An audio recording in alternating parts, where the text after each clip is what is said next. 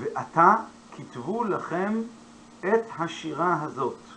ישנה מצווה לכתוב את התורה. התורה שיש בה את השירה הזאת, את שירת האזינו.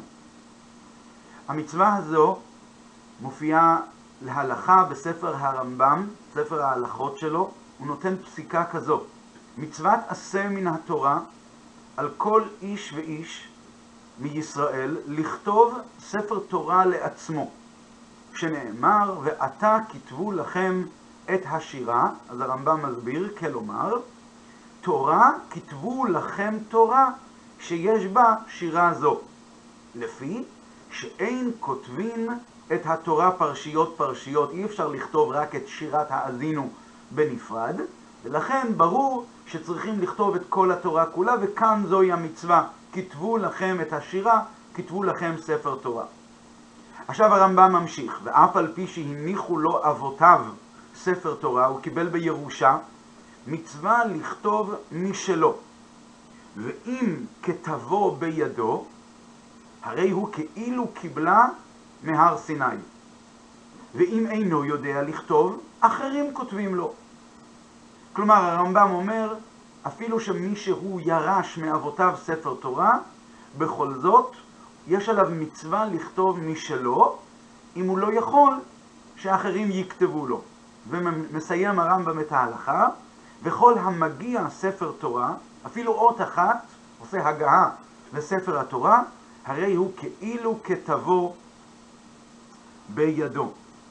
וכאילו שהוא כתב את ספר התורה בעצמו ביד, וממש, ואנחנו כבר אמרנו מקודם, שמישהו שכתב בידו, אז הוא כאילו קיבלה מהר סיני. וכאן אנחנו ערב חג השבועות, ערב מתן תורה, אנחנו כולנו רוצים לקבל את התורה כאילו קיבלה מהר סיני, ויש עלינו מצווה לכתוב ספר תורה.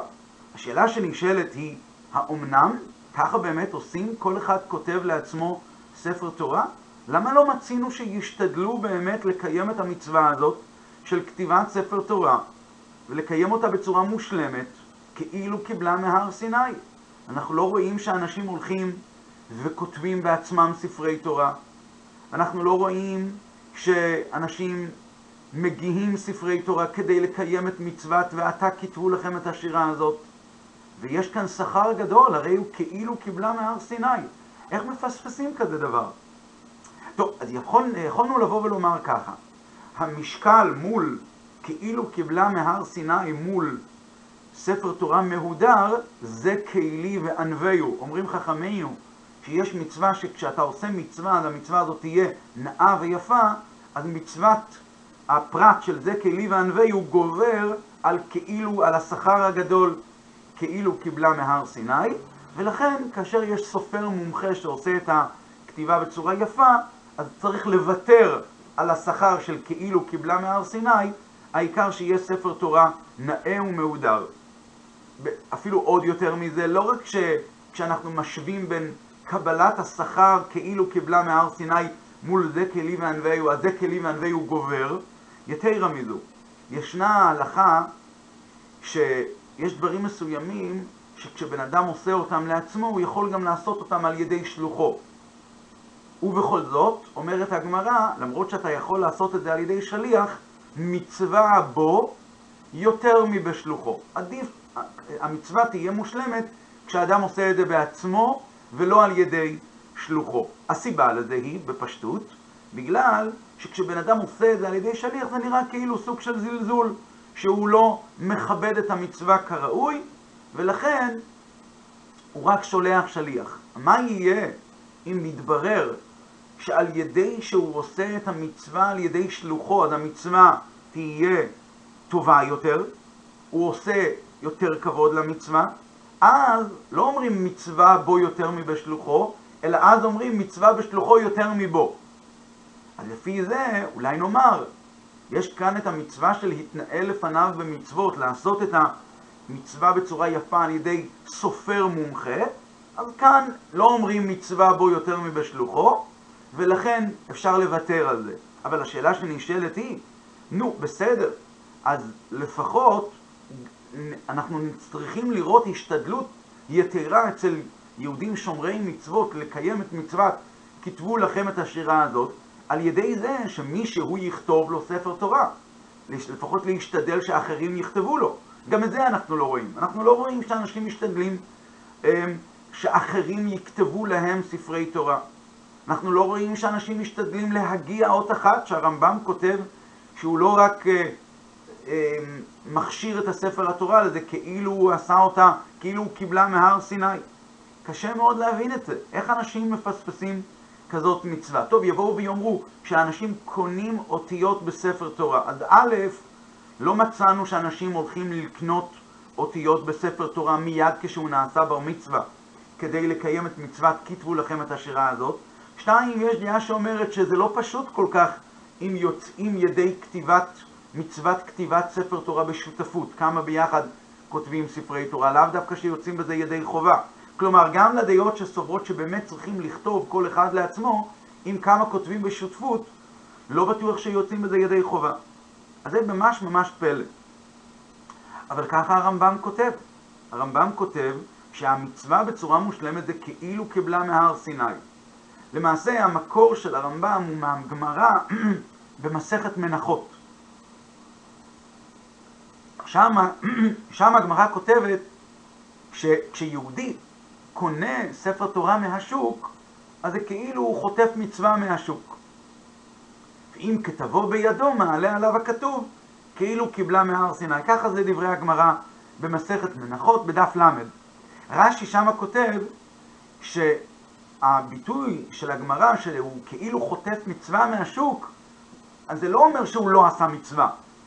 רש"י אומר, הוא עשה מצווה, הוא כתב, הוא קנה מהשוק ספר תורה הזה, לכן הוא כאילו באמת עשה את המצווה, אבל הוא לא עשה את המצווה בצורה מושלמת. אם כתבו בידו, אז זה כאילו נחשב שהוא עשה את זה בצורה מושלמת.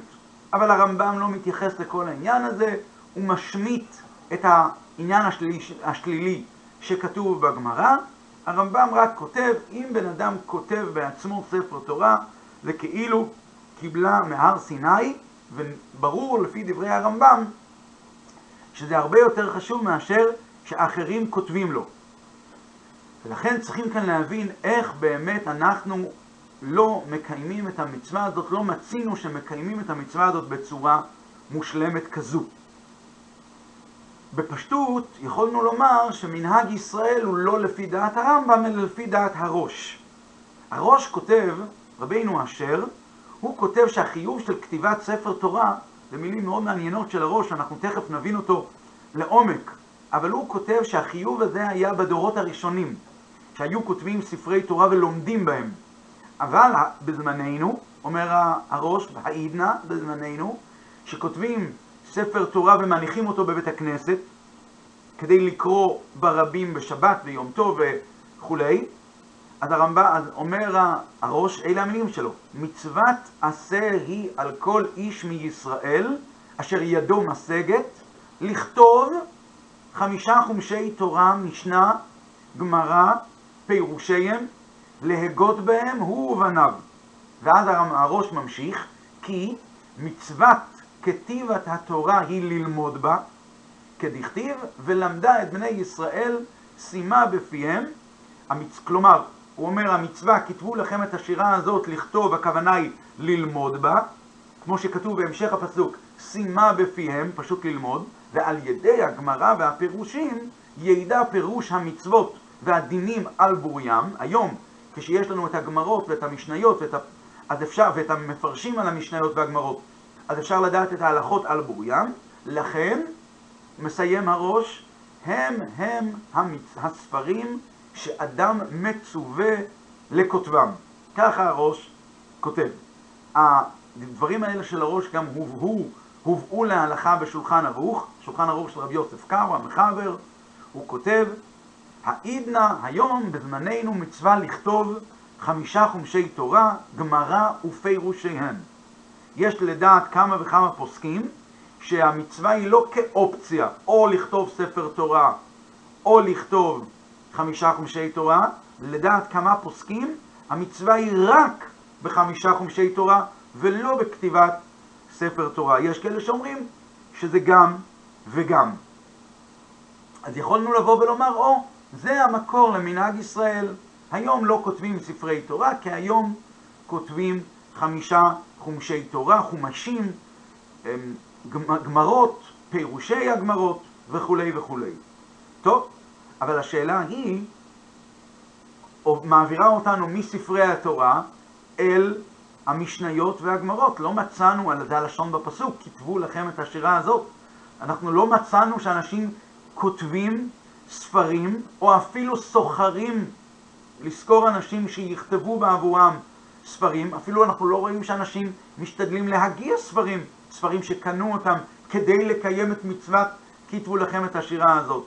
ובפרט, השאלה מתחזקת עוד יותר, היום שיש את אה, כל עולם הדפוס, ובפועל המנהג הוא לרכוש ספרי דפוס, אז אה, הרמב"ם, הראש כותב מצווה לכתוב חמישה חומשי תורה, גמרות ומשניות ופירושיהן. אז אולי נבוא ונאמר שמה שהראש מתכוון לכתוב, הכוונה היא גם להדפיס. אז אוקיי, אז לפי זה, כשבן אדם קונה ספר מוכן, מודפס, זה כאילו הוא שכר, כאילו שכר סופר לכתוב לו ספר תורה, ודאי שלא. אדם שסוחר סופר לכתוב לו ספר תורה, אז הוא סוחר אותו, משלם לו כסף, והוא כותב בעבורו ספר תורה, אז היום איך עושים את זה בקניית ספר מודפס? קשה לומר שבזה מקיימים את המצווה, לכאורה. ובפרט שברבים מהמקרים, אזי מי הוא המדפיס? מישהו שהוא לאו דווקא יהודי ואף אחד לא שואל ואף אחד לא בודק על זה. וגם אם נאמר שבאמת יש קדושה בספרים שנתפסו על ידי אינם יהודים, אבל זה לא, לא הנושא שלנו, האם יש קדושה בספרים האלה או אין קדושה בספרים האלה. אגב, הנושא הזה באמת מטופל במפרשים, האם באמת יש בזה קדושה או לא. כך או כך צריך לקנות את הספרים האלה. אוקיי, קנינו את הספרים, קיימנו את מצוות כתיבת ספר תורה, לפי דברי הראש, כנראה שלא. הראש כותב מצווה לכתוב חמישה חומשי תורה, משניות ופירושיהם. לא מצאנו שאנשים ככה משתדלים. למעשה, לא ענינו על השאלה והעברנו אותה מספרי התורה, לפי דעת הרמב"ם, לספרים אחרים לפי דעת הראש. אגב, כשאנחנו מסתכלים בהלכה בשולחן ערוך המחבר, אז יש הגהה של הרמו, שהוא פוסק, הוא אומר ככה, אם לקחו כך ולא הגיע בו, ולא הגיע בו דבר, כלומר אם בן אדם קנה ספר תורה כמו שהוא, ככה הוא מדבר, הוא מדבר לגבי ספר תורה. אז הוא אומר, הווה, הוא כן מצטט, הרמב"ם לא ציטט את, את, את לשון הגמרא במנחות, הרמו כן מצטט את זה, הווה כחוטף מצווה מהשוק, ואינו יוצא בזה. אנחנו אמרנו מקודם שלפי רש"י, הוא כן יוצא, הוא רק לא עשה את המצווה כמו שצריך. אבל לפי דעת הרמו, הרמו פוסק להלכה, אינו יוצא בזה. אז עכשיו אנחנו נשליך את דברי הרמו על ספר תורה לגבי ספרים המודפסים. כשם שלפי דעת הרמו, כאשר הוא, הוא קונה ספר תורה כמו שהוא ולא מגיע בו דבר, אז לא יוצא בזה ידי חובת מצוות כתבו לכם, אז כאשר אנחנו היום, לדעת הראש, עושים את זה בקניית, נגיד, בקניית ספרים, האם באמת יוצאים ידי חובה בקניית ספרים בלי, שהגיע, בלי, בלי שעשינו להם הגעה? מסתבר שלא, אינו יוצא בזה. ואנחנו בפועל לא רואים שהשתדלות מיוחדת בעניין הזה להגיע ספרים ושכל אחד יהיה לו את המצווה הזאת. יש כאלה שמסבירים, זה השאגת אריה ועוד כל מיני אה, פרשנים, הם מסבירים שאגב, השאגת אריה טוען שכתיבת אה, ספר תורה כיום הוא מדי רבנן, הוא אומר אין אנו בקיאים בחסרות ויתרות, יש לנו איזשהו אנחנו לא ממש יודעים בדיוק על, נגיד מאוד, המילה, התיבה מאוד, עם ו' או בלי ו', על דרך זה בשאר הדברים, ולכן הוא אומר זה היום מדי רבנן, כדי שלא תשתכח התורה מישראל. המפרשים ממש דח, דחו את דבריו, וממש אמרו מה פתאום, זה מצווה מדאורייתא. בכל אופן, הוא מסביר, השאגת אריה מסביר, שבזה טעון, טמון ההבדל, הוא ממש מייצר כאן מחלוקת בין הרמב"ם לבין הראש ופסק ההלכה כמו שהוא הובא בשולחן ערוך. הרמב"ם סבור, ככה מסביר השגת אריה, שהמצווה היא לכתוב ספר תורה, ככה, גזירת הכתוב. ויש כאן מצווה שהבן אדם צריך להזיז את הידיים ולכתוב בפעולה שלו עם הידיים, לכתוב ספר תורה. ולפי זה, אם הוא לא יודע לכתוב, אז שאחרים יכתבו לו. ומי שמגיע ספר תורה, אפילו שהוא מגיע אות אחת, הוא כאילו כתב את כל... כי עיקר העניין הוא הכתיבה. ולפי דעת הרמב"ם, הוא בכלל לא מזכיר את זה, לא יוצאים ידי חובה בקניית ספר תורה. לעומת זאת, לדעת הראש ופסק ההלכה בשולחן ערוך של רבי יוסף קארו, המצווה של כתיבת ספר תורה היא ללמוד בה. ולכן, לפי דעת הראש, ככה מסביר השאגת אריה, המצווה היא שיהיה ספר תורה. יהיה ספר תורה ללמוד, אין מצווה לכתוב, אין מצווה גם להגיע. ככה טוען, אה, יש לזה קצת סימוכים מעוד כל מיני אה, פוסקים שכותבים שהמצווה היא להיות ספר תורה, שיהיה, שיהיה ספרים. לפי זה צריך, שלפי דעת הראש צריך שיהיו ספרים, וזוהי המצווה של כתבו לכם את השירה הזאת, שזה יהיה. אין צורך אפילו להגיע, אין צורך לכתוב, יש צורך שיהיו ספרים, כדי שנוכל פשוט ללמוד בהם. ככה מסביר, כאמור, השאגת אריה, אבל קשה מאוד להסביר ככה, כי כשהראש מביא את המילים שלו, הוא מביא אותם בהמשך לדברי הרמב"ם. הוא אומר שהרמב"ם אומר, מביא את דברי הרמב"ם, הוא מצטט את הרמב"ם בלשונו, ואז הוא אומר שזה היה בדורות הראשונים.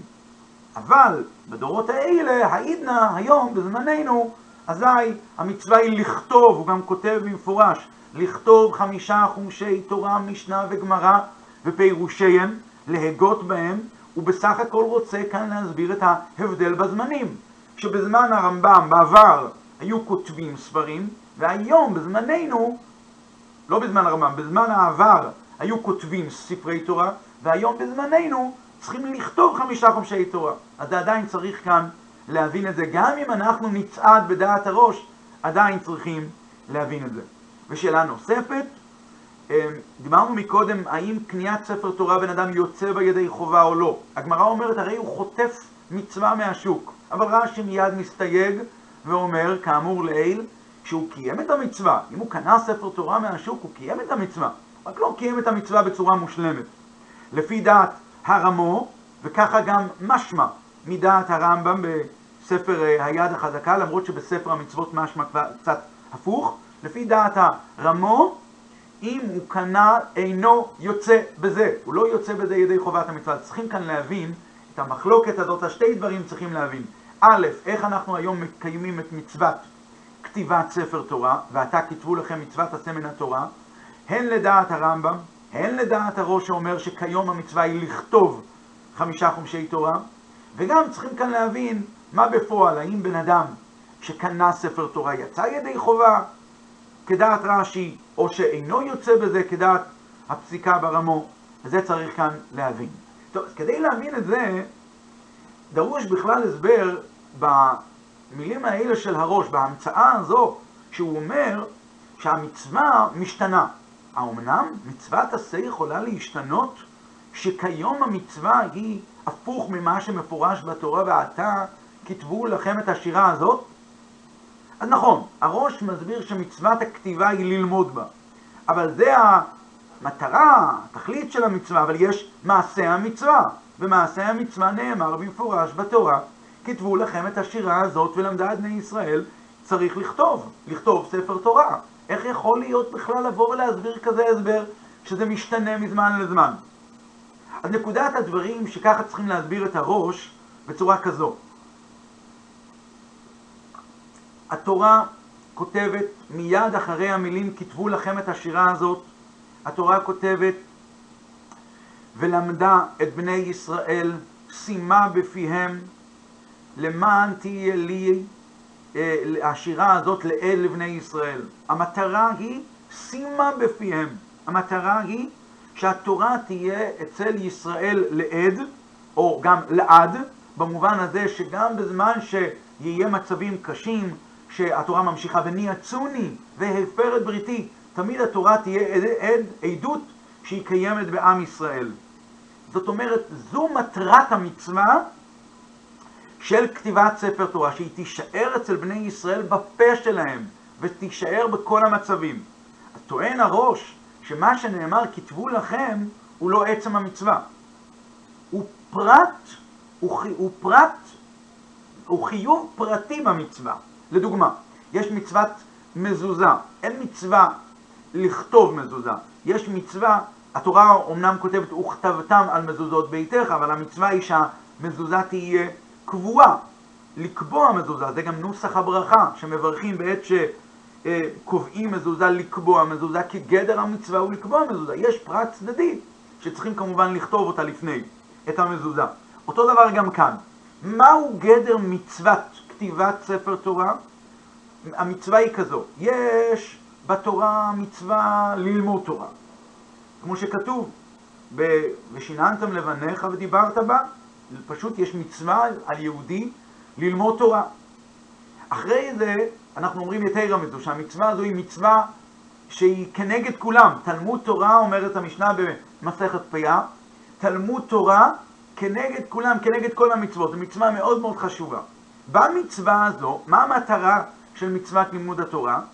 לדעת את כל ההלכות, את טעמיהם, ובן אדם צריך לעשות את זה בצורה כזו של ושינן טעם, שיהיו דברי תורה שנונים, שאם ישאלך האדם, אל תגמגם, אלא תאמר לו מיד. בן אדם צריך מיד שהדברים יהיו שנונים בפיו. אז לכאורה, בקיום המצווה הזו, יש כבר את הסימה, אם בן אדם לומד תורה בצורה הזו, יש כבר את העניין של סימה בפיהם בצורה הטובה ביותר. התורה נמצאת בפיהם.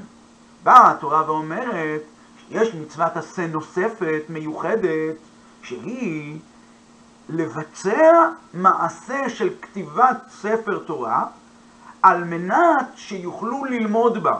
ואז, בפשטות הסיבה היא, כי על ידי הלימוד בספר מונח לפנינו אותיות מחכימות, אז בן אדם הוא הרבה יותר בטוח מטעויות שהוא יכול לבצע. בן אדם יכול לחזור על התורה בכל עת, כי זה הכל לפניו, זה הרבה יותר מועיל לו לזיכרון, ואז הוא, כל, איך הגמרא אומרת, כל הלומד תורה מן הספר לא במהרה הוא משכח.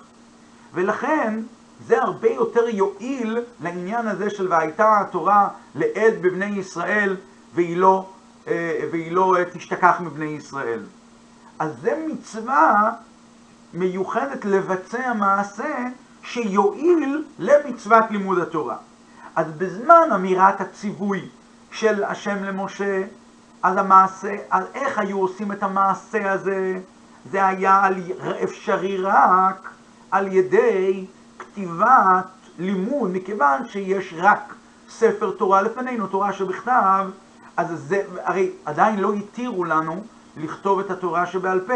התורה שבעל פה בשלב הזה, עקרונית, רצינו מאוד גם לכתוב אותה בעל פה, אבל היה איזה אריה שרבץ ולא אפשר לנו לכתוב את התורה שבעל פה, כמו שהגמרא אומרת, דברים שבעל פה, אי אתה רשאי לאומרם, לכותבם, בן אדם לא רשאי לכתוב אותם, בשפת הגמרא זה נקרא אר יהוד רביע עלי. הוא, יש איזה אריה שרובץ ומפריע לו לבצע את מה שהוא רוצה לעשות. ו, ולכן, במידה מסוימת, לא יכולנו לקיים את המצווה הזו של כתיבת התורה, אלא בעובדה, אלא בדרך של כתיבת ספר תורה. ואז הופיעו דינים. מכיוון שיש רק על ידי כתיבת ספר תורה, אז יש דינים שאגב, הדינים האלה לא ממש קשורים ישירות לעניין הזה של ולמדה את בני ישראל שימה בפיהם. זה עוזר כמובן לעניין הזה, אבל יש דינים שהספר תורה צריך להיות עם שרטוט, וצריך להיות לשמה, וצריך להיות בכתב אשורי, וצריך להיות בלשון הקודש, וצריך, כל מיני פרטים כאלה שאולי הם יעזרו ויועילו בצורה עקיפה גם לה ולמדה את בני ישראל שימה בפיהם, שזה יהיה ספר תורה ברור, ויוכלו לחזור בו וללמוד בו, אבל בנוגע למצווה של כיתבו לכם את השירה הזאת, ביצענו אותה בצורה הזו, ועל ידי זה זה יועיל ללימוד התורה לשימה בפיהם בצורה הטובה ביותר.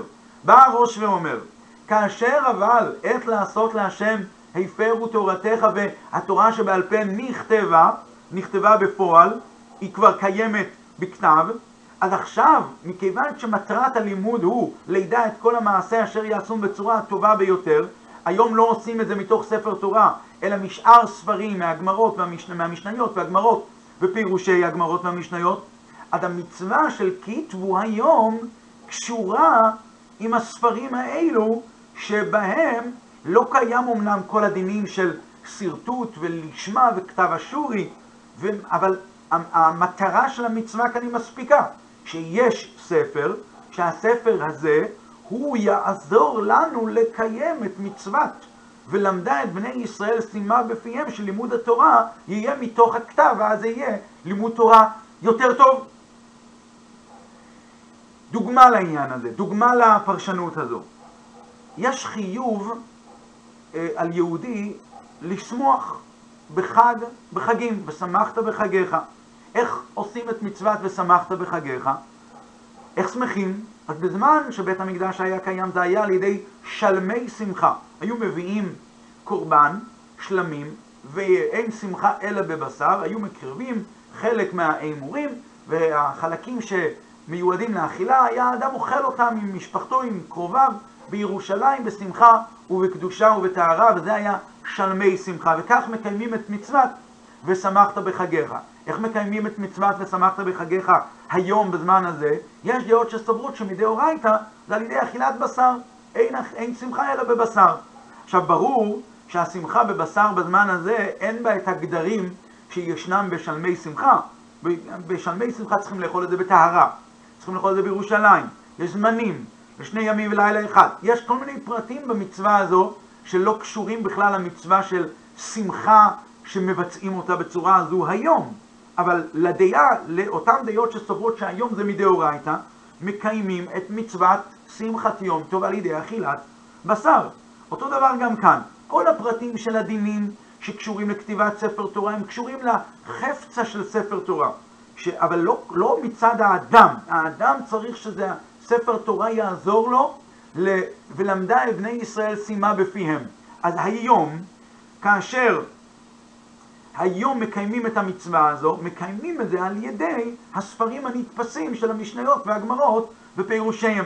אז לפי זה יוצא שבגדר המצווה הזו עצמה לא חל שום שינוי. איי, למה אנחנו באמת, הראש כותב שאנחנו משתדלים, שצריכים לכתוב חמישה חומשי תורה, לכתוב אותם. רואים לכאורה שאנחנו לא משתדלים לכתוב חומשים, אדם לא כותב לעצמו, לוקח קולמוס או דף ועט וכותב את החומשים ואת המשניות ואת הגמרות. הוא קונה אותם בחנות, הוא מזמין אצל מישהו וקונה אותם.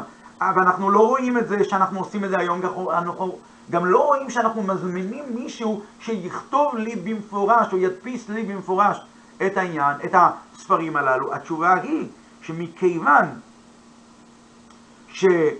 שהוא עושה את זה על ידי שמישהו אחר כתב את זה, אז זה נעשה הרבה יותר טוב. אז, אז זה כלי וענווהו, הספרים הם הרבה יותר נתפסים כמו שצריך, ומהודרים וטובים. אז אמרנו כבר בתחילת השיחה שמצווה בו יותר מבשלוחו אה, לא קיימת כאן. אדרבה, מצווה בשלוחו יותר מבו. ולכן, אם זה ככה לגבי ספר תורה, בוודאי שזה גם לגבי אה, אה, הספרים הנתפסים, וכמו שגם נסביר בעוד איזושהי נקודה בהמשך. עכשיו, רואים כאן בעצם שיש כאן דברים בעלי מחנה משותף, אבל לפעמים אפשר לומר שאני לומד פרט מסוים ומשאיר פרט אחר. יש למשל, אפשר לתת לזה כמה דוגמאות. בשפת הגמרא זה נקרא דון מינה ואוקי בעטרה. תלמד ממנו, אבל תעמיד במקומו, אל תשווה לגמרי.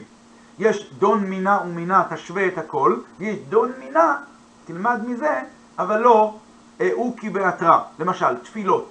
כתוב שתפילות במקום קורבנות תקנום, ובכל זאת, לכתחילה לא צריך שיהיה בציבור שאנחנו מתפללים כהן. אגב, בקורבנות יכול להיות גם, אין כהן בבמה, כאשר היו מקריבים בבמה לא היו צריכים דווקא כהן, אבל בכל אופן, בנוגע לזמן, למשל, כן יש את זמני התפילות שהן מקבילות לזמן הקרבת התמידים וכולי וכולי. ויש דוגמאות נוספות לעניין הזה, אותו דבר גם כאן. עכשיו לפי זה, עכשיו נחזור לפסיקה שקיימת היום. הראש, הראש כאמור אמר המצווה לכתוב, והסברנו את זה. לכתוב, העידנא המצווה היא לכתוב חמישה חומשי תורה, משניות וגמרות ופירושיהם. אחרי זה למדנו את פסק הרמו, שאומר שאם הוא לקח ספר תורה ולא הגיע בו, לא יצא ידי חובה, ואמרנו שרש"י אמר שהוא כן יצא ידי חובה. לפי הרמו הוא יוצא ידי חובה רק אם הוא סוחר מישהו לכתוב בעבורו, או שהוא מגיע. אמ, אז לפי זה כל, ה, כל הפסיקה הזו נאמרה דווקא לגבי כתיבת ספר תורה. אבל בנוגע לחמישה חומשי תורה, למשניות ולפירושיהם שהיום המצווה נעשית בהם ועל ידם, לפי דעת הראש, על ידם נעשית המצווה של ולמדה את בני ישראל שימה בפיהם, אז בוודאי שלפי כולם יוצאים בזה ידי חובה, גם לפי הרמו, בקנייה של הספרים ובלימוד שלהם. כי כולם מסכימים שבכתבו לכם יש, יש גדר שלמעשה של אנחנו מקבלים את התורה, אנחנו מנסים לכתוב, ועל מנת להשיג, מה הרעיון? למה הרמב"ם כותב שכשבן אדם כותב את התורה הרי הוא כאילו קיבלה מהר סיני? כי בכתיבה שלו מתבטא הרצון שלו להשיג את התורה וללמוד בה. אז, אז בדורות הראשונים המצווה הייתה עם ספר תורה, המצווה הייתה, לא היו, אה, תורה שבעל פה לא הייתה על הכתב, אז היו כותבים ספרי תורה והיו לומדים בספרי תורה. ומזה התחייבנו בכל המצוות של לשמה ועל קלף מעובד ועל, ועל שרטוט וכל שאר התנאים שכותבים אותם צריך לכתוב את כולם, אם אפשר רק ספר אחד. החפצה של ספר התורה הכריח כביכול כל מיני תנאים וכל מיני פעולות כדי לעשות את זה. אבל, אבל היום, כאשר יש לנו את המצווה של, של, של ללמוד ב, בספרים, אז כל ספר שבו אנחנו נקנה, אפילו חומש בודד אחד, קיימנו לאו דווקא את כל חמישה חומשי תורה, כבר קיימנו את המצווה הזו בצורה מושלמת. אמ, זה ההסבר, עכשיו נבין את ההבדל בין שתי הדעות אם אנחנו, מתי בן אדם יוצא ידי חובה? לפי דעת רש"י, אמ, לפי דעת רש"י בן אדם יוצא ידי חובה גם בקניית ספר תורה ממישהו, ולפי דעת הרמו והרמב"ם הוא לא יוצא בידי חובה אלא על ידי שהוא מגיע, מגיע את הספר תורה. כי אה, אה, שיטת הרמב"ם והרמו היא שמכיוון שהמצווה היא קשורה עם קדושת ספר התורה, אז הקדושה הזאת של קדושת ספר התורה שהיא מחייבת כל מיני תנאים בכתיבת ספר התורה, זה הופך להיות חלק מהמצווה. ולכן אתה צריך לעשות את זה על ידי הכתיבה, עם כל הפרטים. או, או על ידי ההגעה, שעל ידי ההגעה אתה כאילו השלמת את כולו, הוא עדיין היה פסול, ועשית הגעה והשלמת אותו. ולכן אם קנית בצורה כזו של סתם לקנות מהשוק, אומר הרמו, לא יצאת בה ידי חובה, כי צריך שיהיה, לפי דעת הרמב"ם והרמות, צריך שיהיה מעשה של כתיבה של ספר תורה וכולי וכולי. באותם, כאשר היו מקיימים את מצוות כתיבת ספר תורה כפשוטו בספר התורה ממש. אז המצווה הזו היא קשורה גם אל קדושת ספר התורה. הקדושה הזאת מחייבת תנאים מסוימים, והתנאים האלה נעשים על ידי כתיבה בעצמך, או קנייה והגעה, אבל סתם לקנות, לא יצאת בידי חובה. אה, ולדעת רש"י, קדושת ספר התורה היא לא חלק מהמצווה של כתבו לכם את, את, את השירה הזאת. לדעת רש"י, לא, זה ממש לא חלק מהמצווה. הקדו, ממילא, אם הקדושה כבר קיימת, בן אדם, מישהו מסוים כתב לך את ספר התורה, אז גם בספר התורה שקנית, יצאת בזה ידי חובה. אז היום, כאשר אנחנו אומרים שהמצווה היא היום המצווה היא לכתוב חמישה חומשי תורה, כמו שהראש כותב. המצווה היום היא לכתוב חמישה חומשי תורה, משניות, גמרא וגמרות ופירושיהן. לא הכוונה שזה חייב להתבצע דווקא על ידי הפעולה של הכתיבה שלך, או אפילו השליחות שלך, או על ידי שאתה מגיע את הספר. כי הספרים האלה מצד עצמם היום הם לא דורשים, אין דרישה מהתורה שהמצוות האלה ייכתבו בקדושה. אין מצווה כזו. מצוות קדושת ספר התורה, לפי, אפילו לפי דעת רש"י והנימוקי, והנימוקי יוסף, שאומר שכשבן אדם כונס ספר תורה ממישהו, יצא בזה ידי חובה. הוא טוען שמכיוון שקדושת ספר התורה היא לא חלק מכתבו לכם, אז זה עניין צדדי. ספר התורה כבר קיים, כתבו לכם, קנית אותו, קיימת את המצווה לדעת רש"י. היום אבל שהמצווה נעשית על ידי מצוות ולמדה את בני ישראל סיימה בפיהם היא על ידי שיש ספרים, יכול להיות אפילו שקוף כביכול, זה נקרא בשפת ההלכה מעשה קוף, כלומר מכונה. ייתכן שאפילו מכונה תעשה את ההדפסה של הספרים הללו, הספרים האלה כעת קיימים בשלמות, אפשר כעת לקיים מהספרים האלה את מצוות ולמדה את בני ישראל סיימה בפיהם, זה עיקר המצווה. אז זה עיקר המצווה. איי, הוא אמר, הלשון הוא כותבים את החומשים, כי במקור הדין היו כותבים ספרי תורה, אז לכן בהתאם לזה, אז כאילו הוא משתמש בלשון, כותבים ספרים, אבל בעצם המצווה היא לא הכתיבה, אלא המצווה היא לרכוש ספרים וללמוד בהם. עכשיו לפי זה אנחנו נבין עוד פרט נוסף שמקיימים אותו גם כן היום, במובן המעשי של המילה, איך שמקיימים היום את מצוות כתיבת ספר תורה. כמו שלגבי מצוות לימוד התורה היום לא קיים הסדר של דבר ראשון ללמוד את כל התורה ורק אחרי זה לעיין ולפלפל, כמו שכתוב באריכות בשולחן ערוך שהיום צריך לבן אדם לשלש את הדברים ולא חייב לחכות עד שהוא לומד את כל ההלכות ורק אז להתחיל לפלפל, אז בדומה לזה, זה גם בנוגע למצוות כתבו לכם את התורה הזאת כמו שהיא קיימת היום. לא הכוונה שהבן אה, אה, אדם מחויב לקנות את כל הספרים שיש, ורק אז הוא מקיים את המצווה. לא חייב לקנות את כל ספרי החמישה או חמישי תורה אה, וכל המשניות וכל הגמרות וכל הפירושים שלהם. ממש ממש לא. אלא הכוונה היא ש... עצם זה שהספרים קיימים ברשות בני ישראל, והם כוללים את הספרים הללו, אז אנחנו בן אדם מקיים את זה, את המצווה הזאת. עכשיו, עכשיו נחזור חזרה למה שנאמר בגמרא. המקור המקור להכל הוא בדברי הגמרא במנחות, שאם הוא כתב מעלה עליו הכתוב כאילו קיבלה מהר סיני, ובאמת הרמב"ם מביא את זה בתור, בספרו של הרמב"ם כהלכה, כי מה אנחנו בפועל רואים את זה? שמצוות כתיבת ספר התורה באותם זמנים, גדר המצווה היא, היא מעין קבלת התורה. כתבו לכם, לא משנה כרגע שאנחנו כאן צעדנו בדעת הראש, אבל בפועל אנחנו רואים, הן מהגמרא והן מפסק ההלכה של הרמב"ם, שכשבן אדם כותב ספר תורה, מעלה עליו הכתוב כאילו קיבלה מהר סיני, זאת אומרת שהגדר של מצוות כתבו לכם את השירה הזאת זה מעין קבלת התורה, שבן אדם בפועל היום, אנחנו עושים את זה על ידי אה, קניית ספרים, ולאחר מכן מהכסף שלו, שהוא קונה את הספרים, אחרי זה לומד בהם, וכולי וכולי. בדורות הראשונים היו מקיימים את המצווה הזאת על ידי כתיבת ספר התורה ממש.